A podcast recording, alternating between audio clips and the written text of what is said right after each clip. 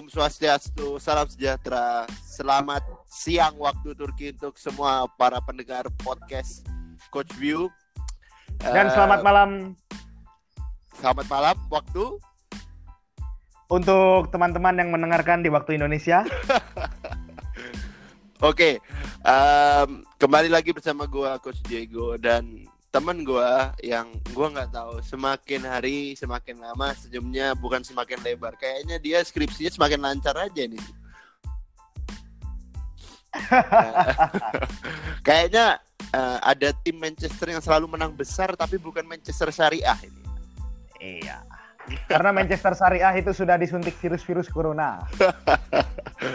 Oke, s- eh, semuanya eh, selamat datang kembali ke podcast kita. Selamat datang kembali eh, di episode lanjutan Selamat Hari Raya Liga Inggris. Tapi minggu ini kita ganti pel.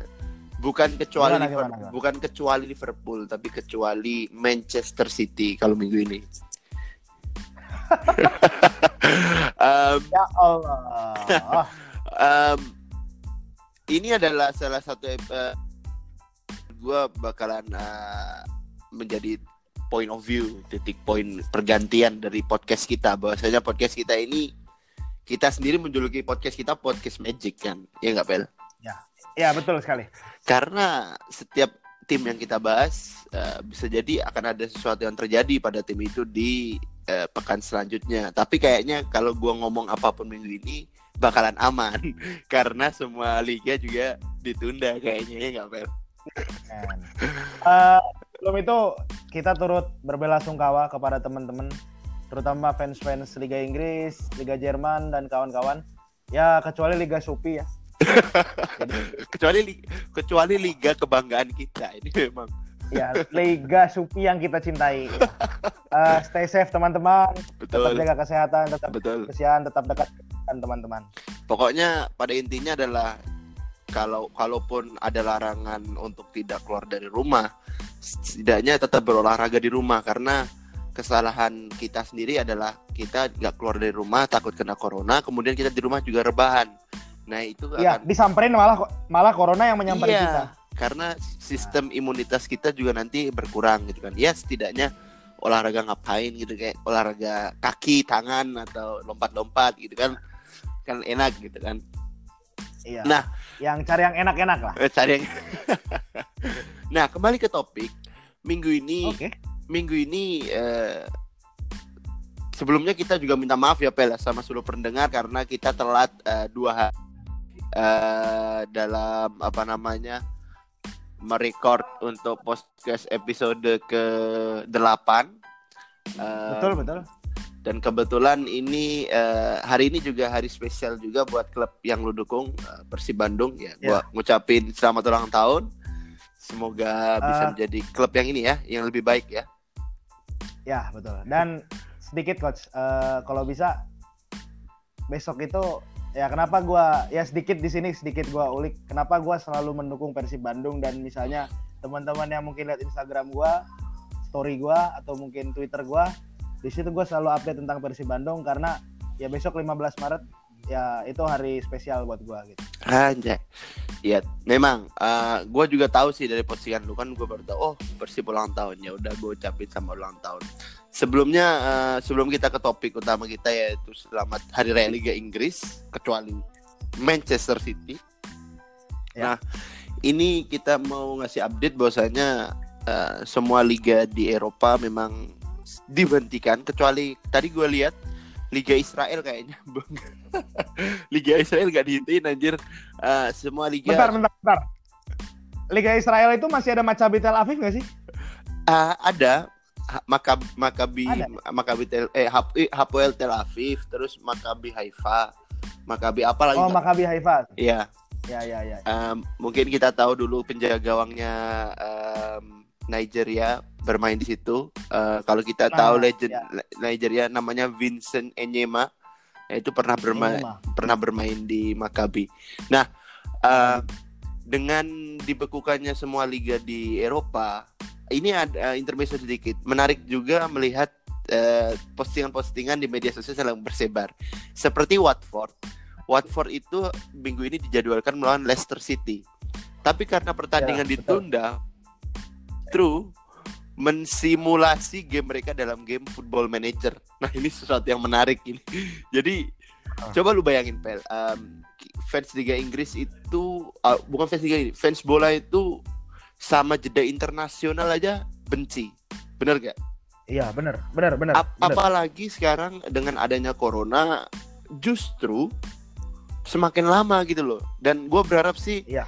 Ayolah coronanya diangkat gitu kan diangkat eh, sama Tuhan yang maha kuasa supaya sepak bola ini bisa berlanjut lagi gitu loh Em, Betul, betul. karena lagi-lagi gue takutnya teman-teman nanti yang biasa cuma nonton bola yang passionnya di bola nggak ada bola justru mereka dalam hal negatif setelah ini itu yang kita takutkan ya kan Ya. nah em, berbicara tentang eh, virus corona sendiri em, beberapa pemain dan juga pelatih dari Arsenal terkena corona. Eh, yang gue pengen sampaikan ke para pendengar podcast mungkin nanti lo bisa tambahin adalah kita yang per- nomor satu yang paling nomor satu adalah tidak menyebar hoax. Itu penting banget. Tidak menyebar hoax untuk mencipta untuk em, yang menyebabkan ke kerusuhan keramaian tentunya. Kedua eh, tidak terlalu panik lah intinya. Just stay safe terus jaga diri nggak usah terlalu berlebihan nggak usah dikit-dikit corona dikit-dikit corona kayak yang gua rasain di Turki nih em, ketika orang jalan masuk bis sama gua orang-orang sini lihat orang Asia gitu loh rasisnya ada gitu loh Iya, jadi iya, iya. kayak Eh, anjir. serasa terkotak-kotakan gitu. iya kayak anjay ini orang Asia wah em, corona gitu kan akhirnya Ya. sempet sih berantem nah menurut lu sendiri pesan untuk para pendengar tercinta kita ini yang sudah mencapai 100 pendengar lebih ini gimana nih Pel menurut lu? Eh, gua gua sebagai seorang bola, gua jadi di sini gua memposisikan gua sebagai seorang fans Manchester United. Eh, teruntuk terutama pesan gua teruntuk fans-fans Liverpool, teman-teman ya. Eh, jikalau nantinya Liga Inggris ini ditangguhkan dan gelarnya itu dihapuskan kayak wacananya Serie A, gua mengakui di podcast ini dan teman-teman 100 pendengar yang bakal menjadi saksi, gua respect sama Liverpool. Liverpool tetap akan menjadi juara tahun ini. Dan ada atau tidak titel tahun ini, itu gua berharap kalau misalnya emang liga ini diberhentikan dan eh, asumsinya nggak bakal ada yang dipilih untuk jadi seorang pemenang gitu. Menurut gua tahun ini tahunnya Liverpool di Liga Inggris. Dan kalau misalnya liga ini tetap dilanjutkan, gua tetap menjadi man, lu sebagai fans Liverpool, gua akuin penantian lu selama berpuluh-puluh tahun ini membuahkan hasil dan emang bener-bener tahun ini bener-bener tahun yang gimana caranya lu bisa survive dan untuk fans semua fans liga di mana pun berada kalian menjadi sejarah kalau saya kalau bahwasanya sepak bola itu ya bisa menyatukan Michael Arteta seorang pelatih Arsenal dia kena penyakit corona bukan hanya Arsenal yang berduka, bukan hanya Inggris yang berduka, bukan hanya Indonesia yang berduka. Semuanya ikut berduka gitu. Jadi eh, ini that's the point eh, football is eh, not not not a weapon ya. Dulu sepak bola itu kalau kata Bung Karno sepak bola itu sebagai senjata untuk melawan Aha. penjajah. Tapi kata gua sekarang sepak bola itu untuk alat yang menyatukan. Sepak bola tidak pernah memandang agama kita, sepak bola tidak memandang tidak pernah memandang ras kita, bahkan sepak bola tidak pernah melihat bentuk fisik kita. Jadi, men, gua salut sama lu semua di tahun 2020 ini. keren sih ini sebuah uh, statement yang cukup bold statement dari uh, seorang fans Man United tapi kita tentu berharap uh, liga mungkin dilanjutkan ya Pel ya dengan opsi Euro tahun ini dipindah ke 2021 nah menurut gua Ya, itu lebih kalau aman. menurut gua ini juga menjadi sebuah kesyukuran karena kita tahu bahwasanya FIFA itu menyuruh uh, pelaksanaan Piala Dunia 2021 itu uh, lima hari pas setelah hari raya tahun depan 2021 De- dengan Ya. Euro diundur harapannya adalah Euro ini nanti menumpuk ke Piala Dunia sehingga Piala Dunia ini bisa setelah hari raya dan tidak dan tidak menyusahkan kita sebagai warga Indonesia gitu.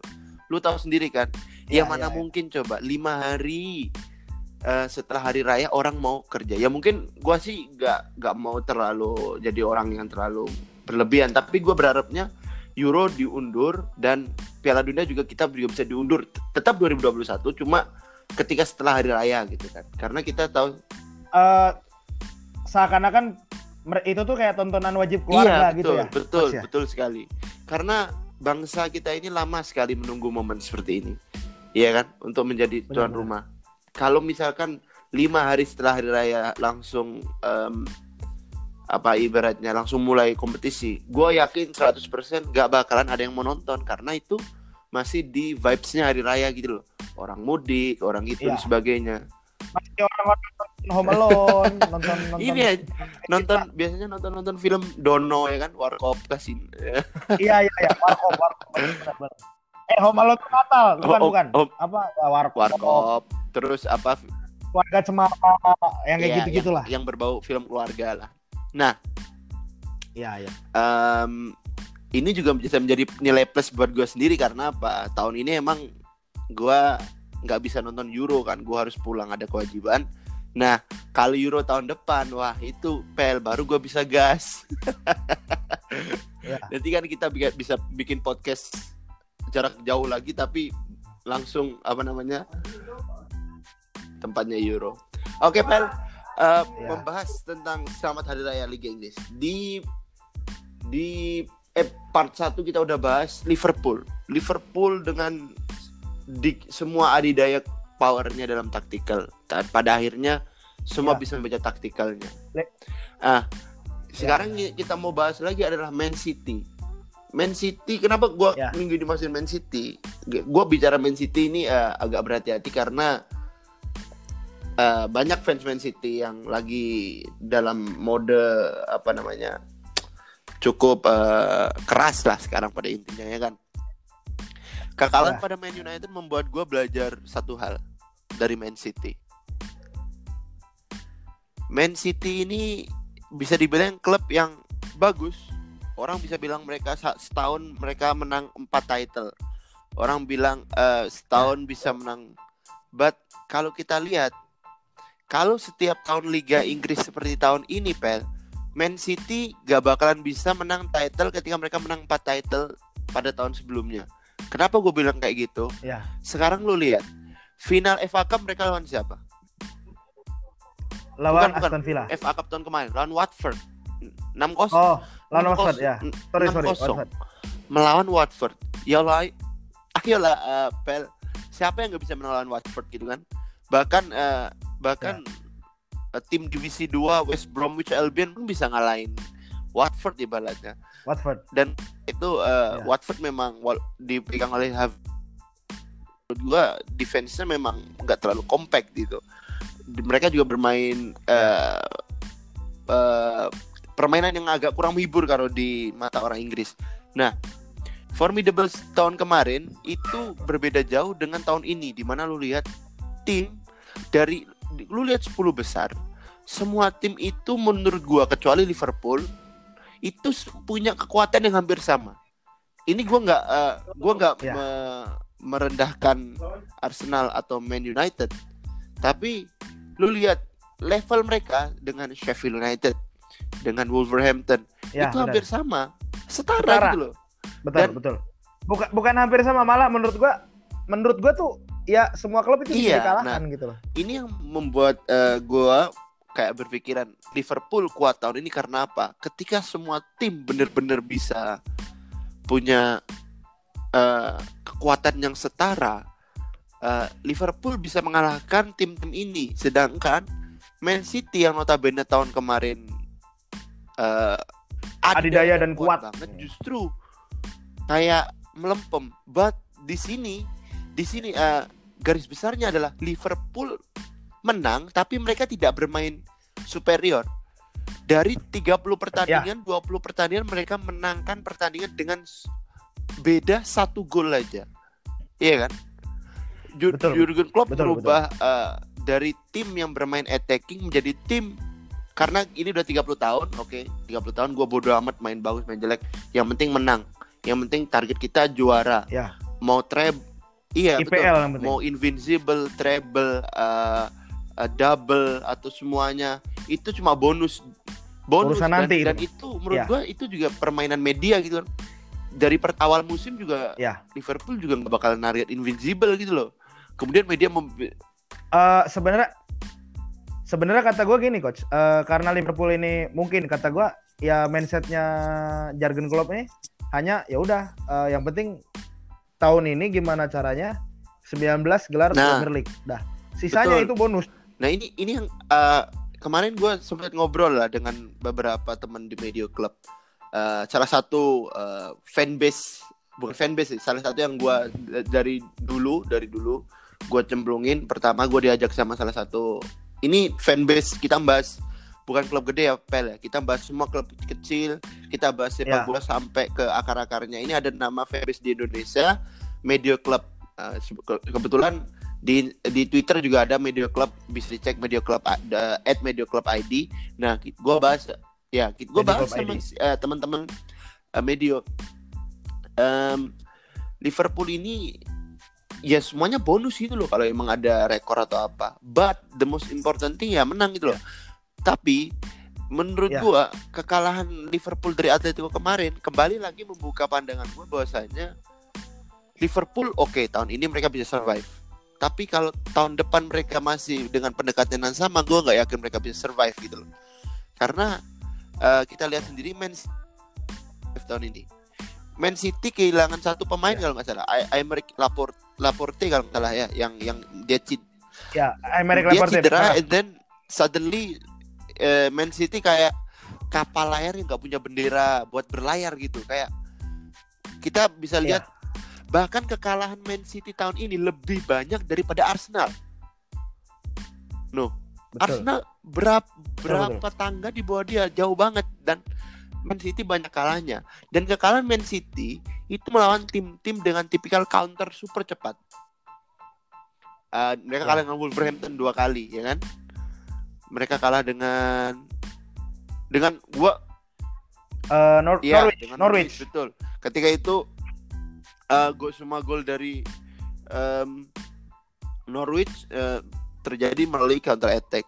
And then melawan Ya. Man United melawan Man United, Man City seolah-olah bermain nggak ada eh, kepala gitu loh. Kayak oh mereka bakal ah, gua gua oke gua bakal paham Eh, Man City bisa bilang eh, kita fokus Champions League kita fokus apa pun lah itu.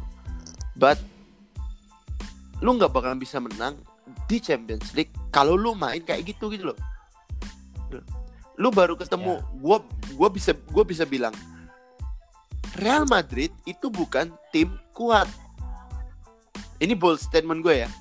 Real Madrid itu bukan tim kuat. Ya. emang tim di La Liganya aja gitu loh yang emang kurang stabil tahun ini. Bener nggak? Ya Allah. Hmm. Jauh lah. Dengan liga yang nomor 1 sampai nomor 10 bisa saling bukan nomor 1 sampai 10 1 sampai 20 bisa saling berpacu. Beda dengan La Liga. Two horse race ibaratnya. Kadang-kadang 10 5 tahun sekali ada tim ketiga yang mengganggu dominasi antara Barcelona dan Real Madrid. Melawan Real Madrid oke. Kalau mereka bisa lolos 16 besar that's fine. Mereka bisa menang. But bagaimana persiapan mereka? Kalau ketemu dengan tim-tim semacam em, eh, Atalanta katakanlah.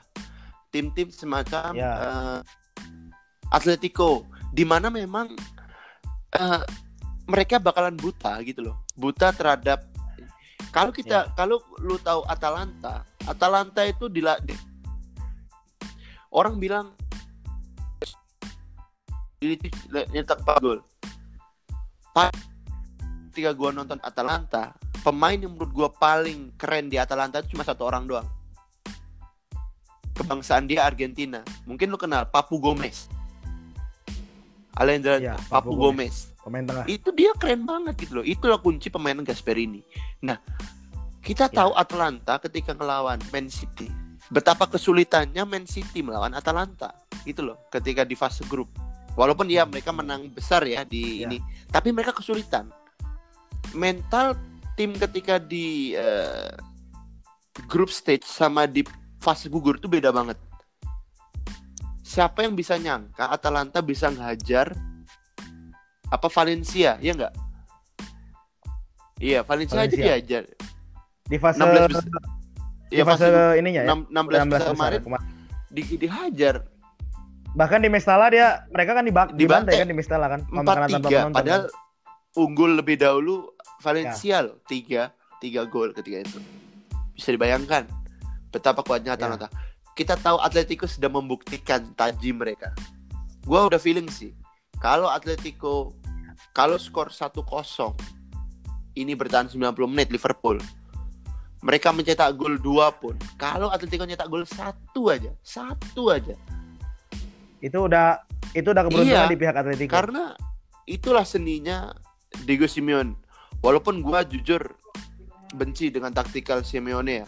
Tapi ayolah Betul. Makanya waktu lu kan that's why I had uh, negatif defensive football, lah intinya ya kan. Eh, kayak Negatif football. em, kita boleh membenci tapi ya mau gimana lagi kalau itu memang udah taknya dia sekarang Iya. lu bayangin lu punya pemain dengan kapasitas bermain kalau tim liga lu punya pemain dengan kapasitas pemain Persik Kediri terus lu lawan eh, Real Betis ibaratnya. Ya kan? Lebih superior Real Betis kan? Nah lu punya Iya. pemain seadanya ya udah lu. Ya main kayak tadi negatif football. The most important thing is the result gitu loh. Bukan bukan main bagusnya atau apa. Iya. gua rasa Simeone di kemarin kayak gitu. Iya. ya kan? Dua leg dua leg.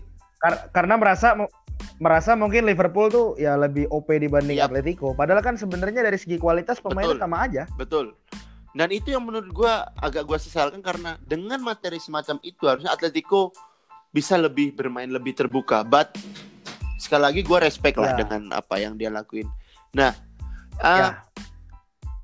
kita lihat kemarin eh, sisi serangan Atletico kan juga tidak ada dari tengah karena memang dari dari zona tengah ini tadi itu tidak hidup Liverpool ketika itu. Dan dari situ juga dari dan tiga Ya. gol Liverpool dari zona tengah semuanya gitu kan. Jadi ya kayak gimana gitu. Nah kembali ke topik Man City. Man City apakah siap menurut lu bak ketemu dengan tim-tim kayak gitu? Liga Inggris kita bisa bilang oke it's done. It's done and, it's done and dusted gitu kan. Udah punya Liverpool. Carling Cup mereka udah Ya. juara ibaratnya FA Cup gua masih menjagokan eh, tahun ini yang juara Sheffield United juara kalau juaranya FA Cup Sheffield United nah Mm. Man City sendiri, menurut lu apakah udah siap dan temu dengan tim selanjutnya atau udah siap sebenarnya di zona Eropa ini?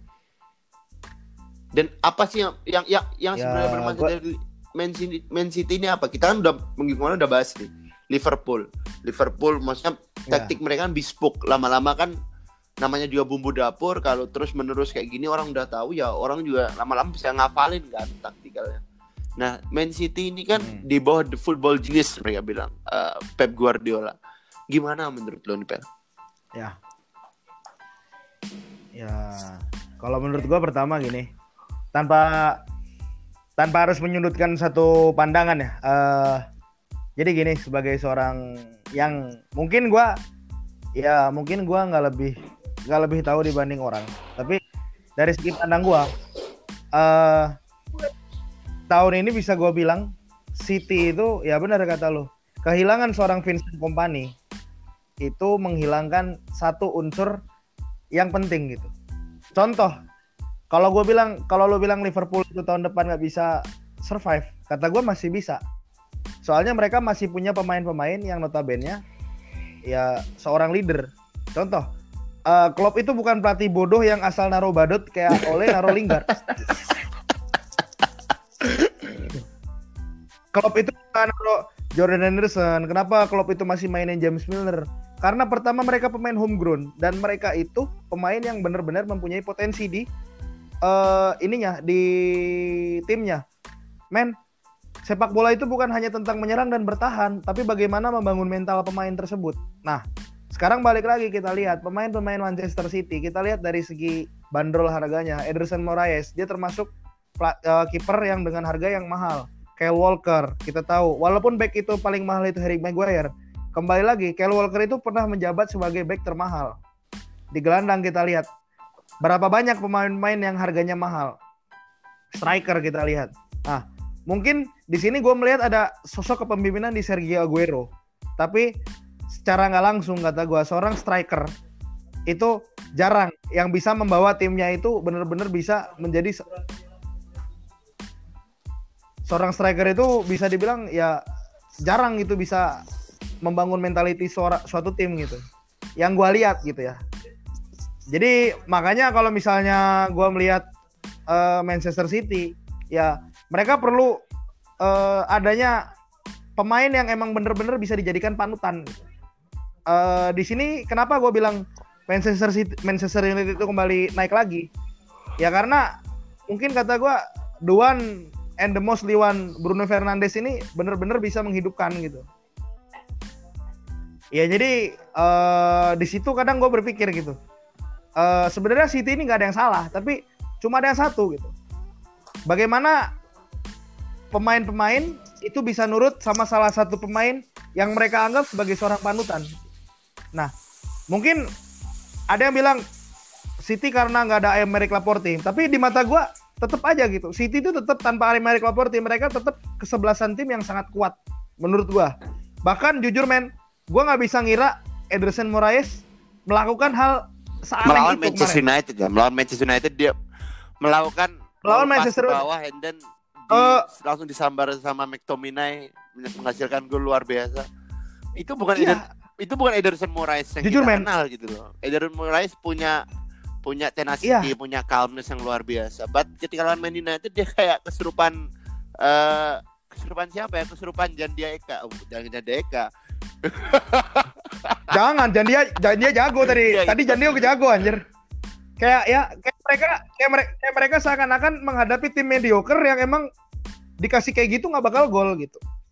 Ah, makanya gue kadang berpikir, uh, eh, gue aja jujur kan gue sempat cecetan nama lu kan yang uh, apa kalau kalau City kalah bakal gini gini jujur main gue takut main di situ soalnya gue berharap gue masih berpikir City itu ya suatu tim yang emang tidak berpatokan pada siapa pun karena lapis pertama lapis kedua lapis ketiga ya seimbang. Tapi di sini kita bisa lihat mentalitinya itu loh. Ada satu pemain yang bisa membangun tim ah di MU kenapa gue gede-gedein di MU ya karena kita karena gue berkaca sebagai seorang fans gitu ya. Di MU di situ ada seorang ya kayak Bruno Fernandes. Itu benar-benar membuktikan gitu. Bisa mengangkat mentalitas tim walaupun mainnya masih acak adut juga gitu. Ah di Liverpool mereka juga punya gitu. Tapi kalau misalnya gue lihat di City ya mereka semua kayak gue melihat semua bintang. Gue kayak gue melihat semua mutiara gitu.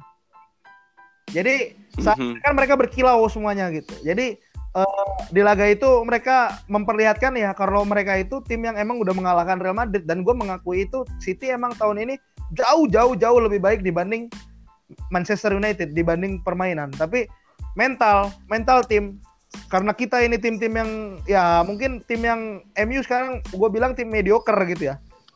Ya apa yang bisa dikalahkan ya mentalnya gitu. Jadi gue merasa uh, sekarang rata-rata tim-tim papan atas kenapa itu mulai bersanding dengan tim papan tengah dan papan bawah? Karena tim papan tengah papan bawah sudah tahu bagaimana cara mengalahkan tim-tim papan atas, yaitu ya kita punya mental juara, kita nggak terbebani dengan squad apa adanya. Pemain kita ya pemain biasa aja, tapi kita buktikan kita bisa. Karena fenomena ini itu udah kerasa di Liga 1 juga. Fenomena ini kerasa juga di Liga Malaysia juga gitu. Fenomena ini kerasa juga di uh, AFC iya Cup sih. juga. Iya. Jadi gitu, Coach. Uh, Persiraja tadi menang lawan Persik Kediri ya. Luar biasa ya, ini Persiraja, Persiraja menang lawan Persik Kediri. Itu kan ya, mental gitu kan. Gua datang ke sini sebagai ya ya menang kalah ya bodo amat. Yang penting gua main dengan lambang hmm, di dada bukan nama di punggung ketika gitu. Anda menjadi sebuah klub underdog dan Anda tidak di favoritkan itu sebenarnya mengurangi beban dari bermain sebenarnya karena uh, all all to play gitu loh, nothing to lose ya kan.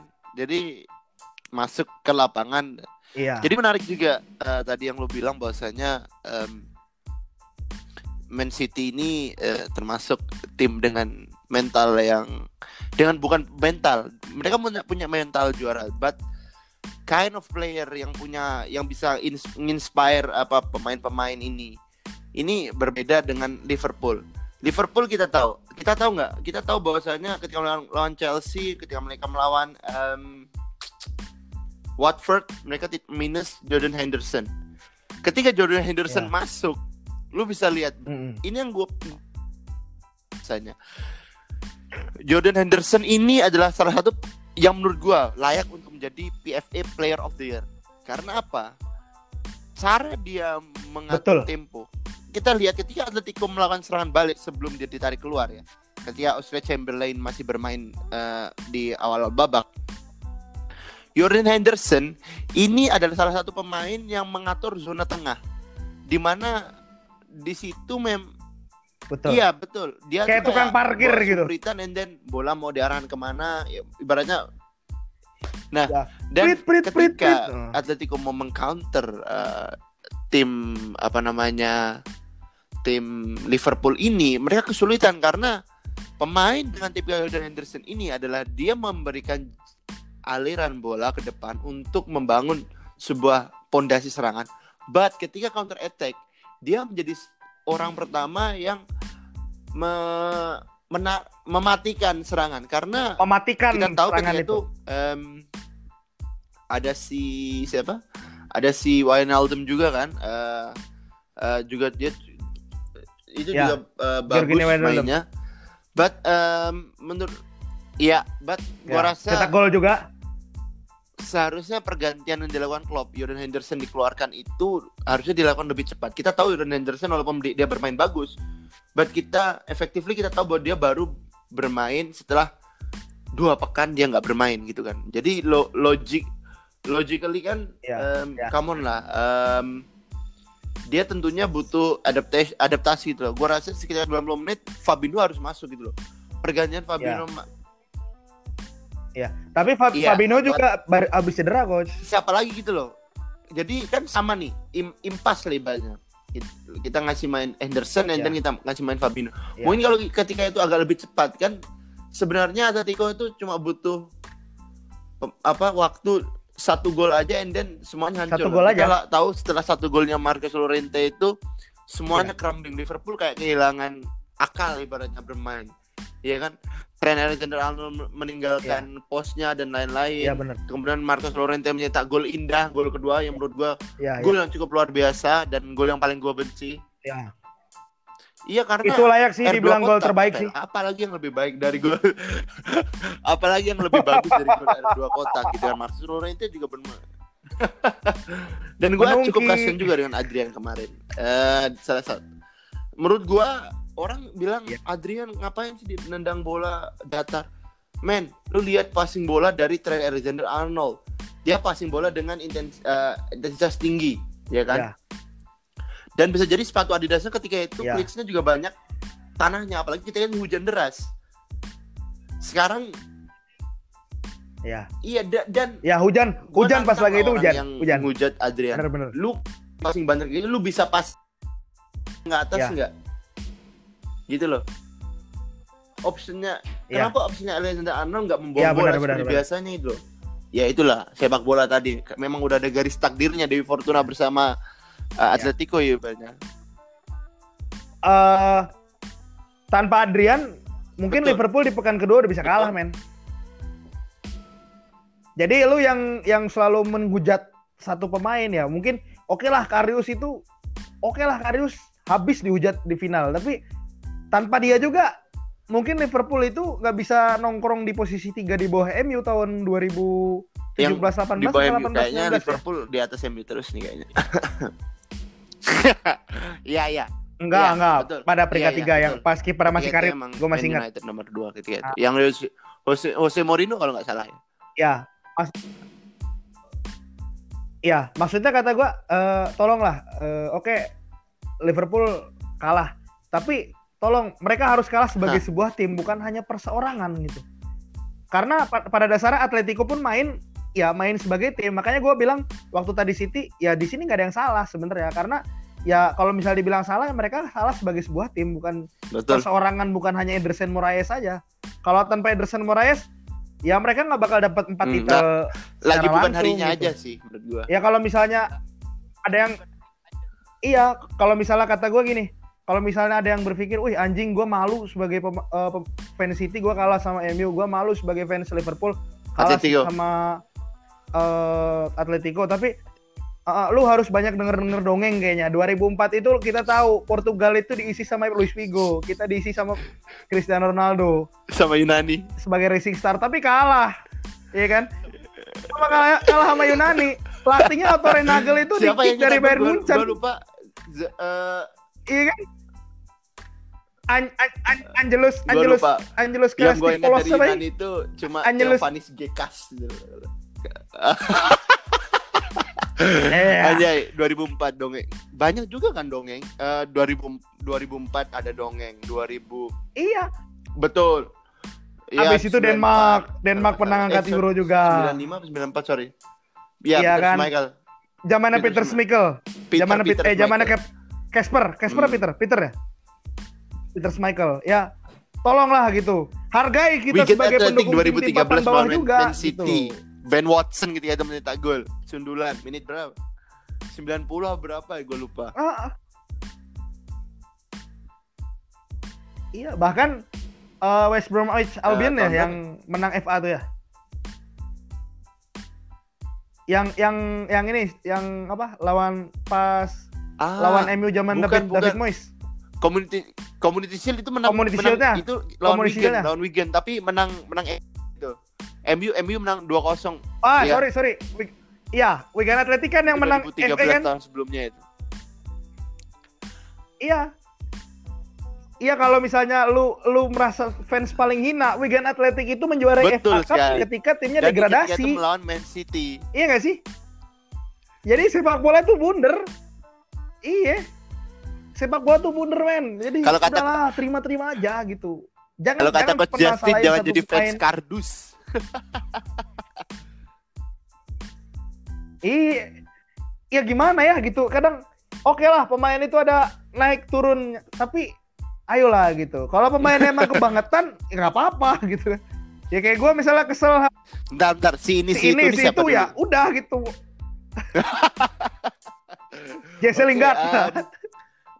Ya memang sepak bola itu benar Bel. Dan Man City gua sih berharapnya Man City nggak juara Liga Liga Champion di tahun ini ya. Dan tap, tap gua masih gua masih berharap li, eh, semua kompetisi tahun Iya. ini memang dilanjutkan. Kalau emang butuh sampai summer ya nggak masalah gitu loh karena lagi Dan Malah kita bersyukur sesuai- tontonan makin Betul, panjang. Dan itu bisa sesuai dengan Iya kalender FIFA 2022 yang rencananya bakalan diadain di musim dingin. Gitu loh. Nah, em, Ya. ya Biar pemain-pemain juga nggak main di musim buat main panas. bola di Qatar panas-panas PL. Kayaknya Qatar Katanya temen musim gua dingin sih, juga kayaknya enggak, Qatar panas aja. lebih mending sih katanya. Tapi ya again ya Enggak ya? Oh ya ya.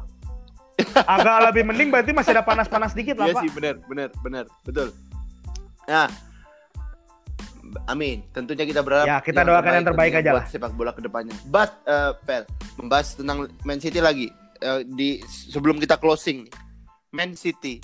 Ya oke. Sejauh apa perbedaan Man City sekarang Ya. dengan Man City 2012 ketika mereka menang title di hari terakhir? Menurut lo?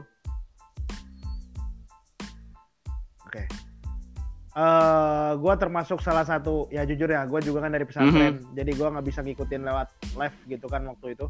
Gua cuma gua cuma dulu gua, gua masih ingat gua Gua- bentar, bentar, bentar, koran Republika. Gua tahu koran, Koran Republika, Republika dipasang, dipasang. di apa namanya di kayak apa- papan pengumuman apa sih namanya etalase. Biasanya rubrik Etalase. olahraganya satu Etalase, halaman doang. etalase. Saya lah, Ah, bener nggak? ya, ya betul. Betul. Nah, gua gua hanya menunggu di laga terakhir itu, men. Bener. Gua itu jujur pas eh, jadi kan di Iya. pondok itu ada pulang belajar malam ya. Jadi itu kan biasa baru baru dipasang. Jadi pagi itu gua nggak tahu Manchester City itu yang juara karena kayak namanya Iya. anak pondok kan update-nya lama gitu ya. Tahu beritanya lama. Pas terakhir-terakhir dipasang gua lihat anjing anjing. kok City yang juara kata gue tapi gue di situ uh, gue berpikir kenapa City itu bisa jauh lebih baik dibanding Manchester United karena pertama MU itu udah merasakan fase yang dirasakan City sekarang. Mereka menjadi tim yang bertabur bintang tim yang merasa bintang semuanya itu bintang. Makanya kenapa Louis van Gaal pertama kali datang ke MU mendepak pemain-pemain yang dikiranya itu pemain-pemain yang merasa bintang. Betul betul. Iya kan? Kayak mendepak betul. Inilah itulah. Iya kan? Uh, itu mungkin kata gue supaya tidak ada ya tidak ada pelatih lain selain pelatih mm -hmm. itu. Nah, ketika City 2012, Sergio Aguero, Vincent Kompany, David Silva, itu pemain-pemain pemain-pemain hari itu sedang benar-benar ada di perform terbaiknya. Sampai sekarang mungkin mereka ada ada perform terbaiknya, tapi di 2012 itu gue masya Allah banget ya? gitu kan. Itu dulu lo julukan City sebagai wah Edin Zeko juga sebagai tetangga yang berisik itu bener-bener hilang jadi tetangga yang memang bikin ya, ricuh bukan berisik lagi gitu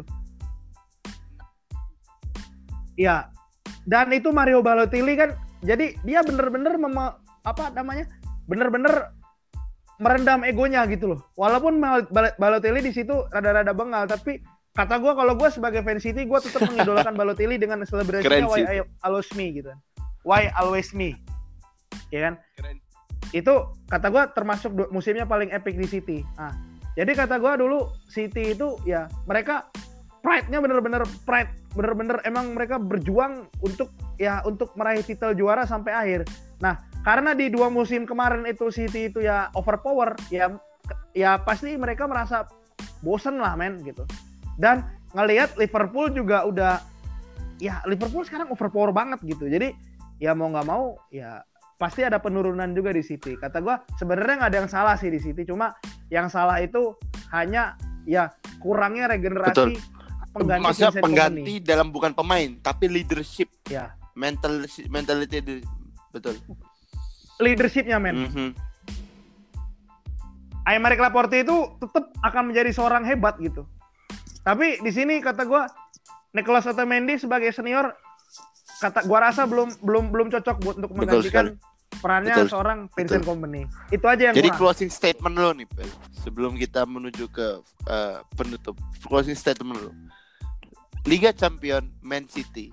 Apakah Liga Man City bakalan bisa menang Liga Champion di tahun-tahun ini atau tahun mendatang? Gua rasa belum bisa dengan eh gua rasa bisa dengan syarat carilah kalau gua sih berharapnya enggak ya.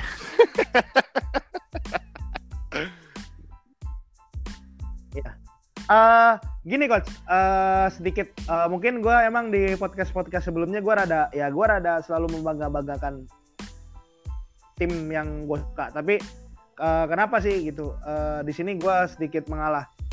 Karena gue respect man maksudnya uh, gue lebih setuju gue lebih bersyukur ketika rival gue itu jauh lebih baik mm -hmm. dibanding tim yang gue sekarang suka.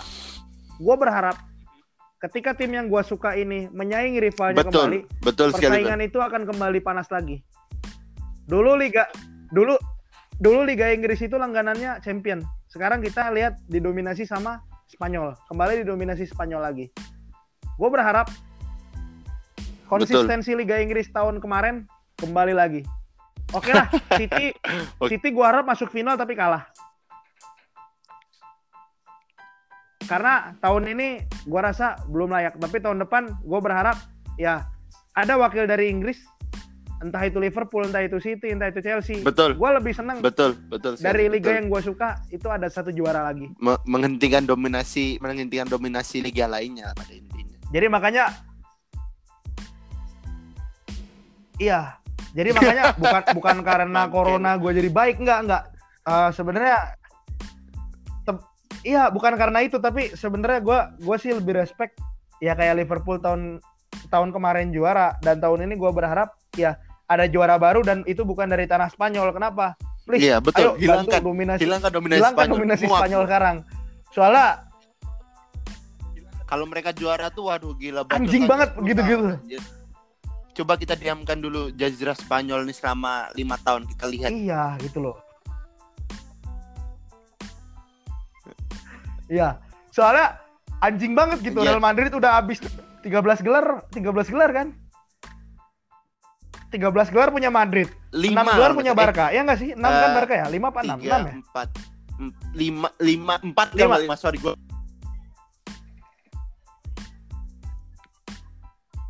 Ya, pokoknya Iya, udah udah iya, layak dapat iya. inilah dapat patch honorable-nya ini kan Liga Champion kan. belum Total lagi 18 gelar yang itu udah punya dulu-dulu. Spanyol. yang ini yang tim-tim eh, tim-tim Iya. tim-tim Spanyol lainnya yang pernah juara ibaratnya Iya. Total bisa habis belum dihitung 20 Europa gelar sama. Spanyol. belum Sisanya dihitung Europa League-nya ya sama siapa gitu. Dan Sevilla Atletico oh iya belum dihitung Europa League dengan dominasi Sevilla. Makanya maka Ah, ah, makanya kata gua gua emang nggak dukung gua gua fans MU tapi gua lebih mendukung kalau Wolverhampton. misalnya MU kalah nanti di Europa League. Gua mendukung ya yang kata lu bilang Watford. Ya Wolverhampton Wanderers atau mungkin tim-tim ya tim-tim Inter Milan lah. Gua lebih dukung kayak gitu Iya sih sih dibanding benar benar. dibandingnya dominasi Spanyol lagi gitu. Eh, itu tadi lah ya Iya. Soalnya ya emang eh, emang aneh sih alasannya. Iya, gua emang aneh sih alasannya tapi Sama- ya sama gue udah muak men gitu. ya. Udah capek Lihat anjir gue orang. dominasi mereka. basic tas aja kalau lolos grup Kalau bisa Eh, basic tas tas, basic tas. sementara ini yang lolos Trabzonspor atau apa, eh, kek. Turki Ya, adalah aduh. Istanbul Başakşehir ini dia unggul 1-0 di leg pertama lawan Copenhagen tapi gua berharap tapi gua Ya, berharap gua berdoa tuh. Wolverhampton juara menurut gua mereka layak tuh. sih. soalnya mereka di all out banget tahun ini nah Pel Eh, buat buat fans MU, lu belum belum layak sih tahun ini juara. Gue bilang aja. tim yang kita aja nggak pernah bisa sebutin aja coba lu bisa sebutin lu bisa sebutin nggak nama Iya. tim yang kemarin kalah Dan lu selebrasinya Se- sebelumnya Last- sebelumnya last- lagi di last grup siapa aja Last timnya? cuma ingat anjing lah Astana lupa doang kan? Ih, lupa anjing. iya Astana. makanya Astana pun pernah ketemu MU pas oke 2016. lah eh, Pel em, gua rasa kita cukupkan dulu podcast untuk episode ini terima kasih buat semua pendengar eh, udah mau dengerin bacotan kita semoga bisa mengisi ke- kegabutan kalian bukan gitu ya Pel ya karena apa Pel Iya. karena bacot Betul. Karena Oke, jangan lupa bacot juga nih. adalah passionku. Betul, passion. Ah, Bukan bukan hobi lagi nih. Oh iya coach, dikit dikit coach, dikit dikit coach. nah, Jadi, jadi giveaway. kemarin kemarin Ingat, tuh ada yang nanya tentang kita perihal masih giveaway ini gimana coach? dua minggu lagi ya. Kita bakalan upload di podcast episode 9. Jadi teman-teman yang masih mau ikut giveaway masih ada kesempatan. Caranya simple. Aku Coach View Podcast. Kemudian kalian komen dan tag tiga teman kalian dengan hashtag GA Coach View. Kemudian kalian repost story, nggak bukan repost postingan ya, repost story terus tag kita. Nanti nama kalian akan kita masukkan ke kertas, nanti akan diundi secara acak uh, di episode selanjutnya. Gitu, Pak. Nah, ini juga menarik menarik Oke. menarik lagi setelah giveaway Jadi- jersey Black Seal kalau nanti kita mencapai 300 Ya. follower, kita bakal giveaway jersey original apa, Pel? Anjas, Persib memang luar biasa sekali ini. eh, 2019 2020. Oh, Om Peldi ini kita pokoknya berharapnya dengan podcast kita ini kita bisa menyebar hal-hal baik. Iya. Dan eh, teman-teman yang mungkin ada niatan gini, kenapa sih kita riak banget kayaknya giveaway giveaway gitu? Eh, bukan gitu men, tapi kita ingin menyatukan teman-teman yang emang bener-bener punya hobi dan teman-teman yang emang kiranya punya tema buat Betul, bahkan bareng kita juga bisa bisa kok kita Open buat gabung. banyak gitu. orang gitu loh uh, podcast kita ini. Mungkin tiga orang, satu orang kalau kalian mau bicara ibaratnya kalian fans MU atau kalian fans Madrid, ibaratnya mau bicara bola juga silakan kita bakal selalu open kok. Uh, terima kasih sebelumnya Pel. Uh, Tuh, denger ganggu tuh. waktu lu. Uh, stay safe, jaga kesehatan. Buat semua pendengar juga stay safe, jaga kesehatan. Jangan rebahan terus. jangan lupa olahraga. Oke, Pel, terima kasih udah mau ngisi waktu bareng. Kita minta maaf kalau kita minta maaf kalau banyak salah ketika omong. Sama-sama kok. Uh, kita berdoa semoga sepak bola bisa pulih kembali. Dari gua dari gua cukup sekian. Terima kasih. Wassalamualaikum dan sampai jumpa Amin. di lain waktu.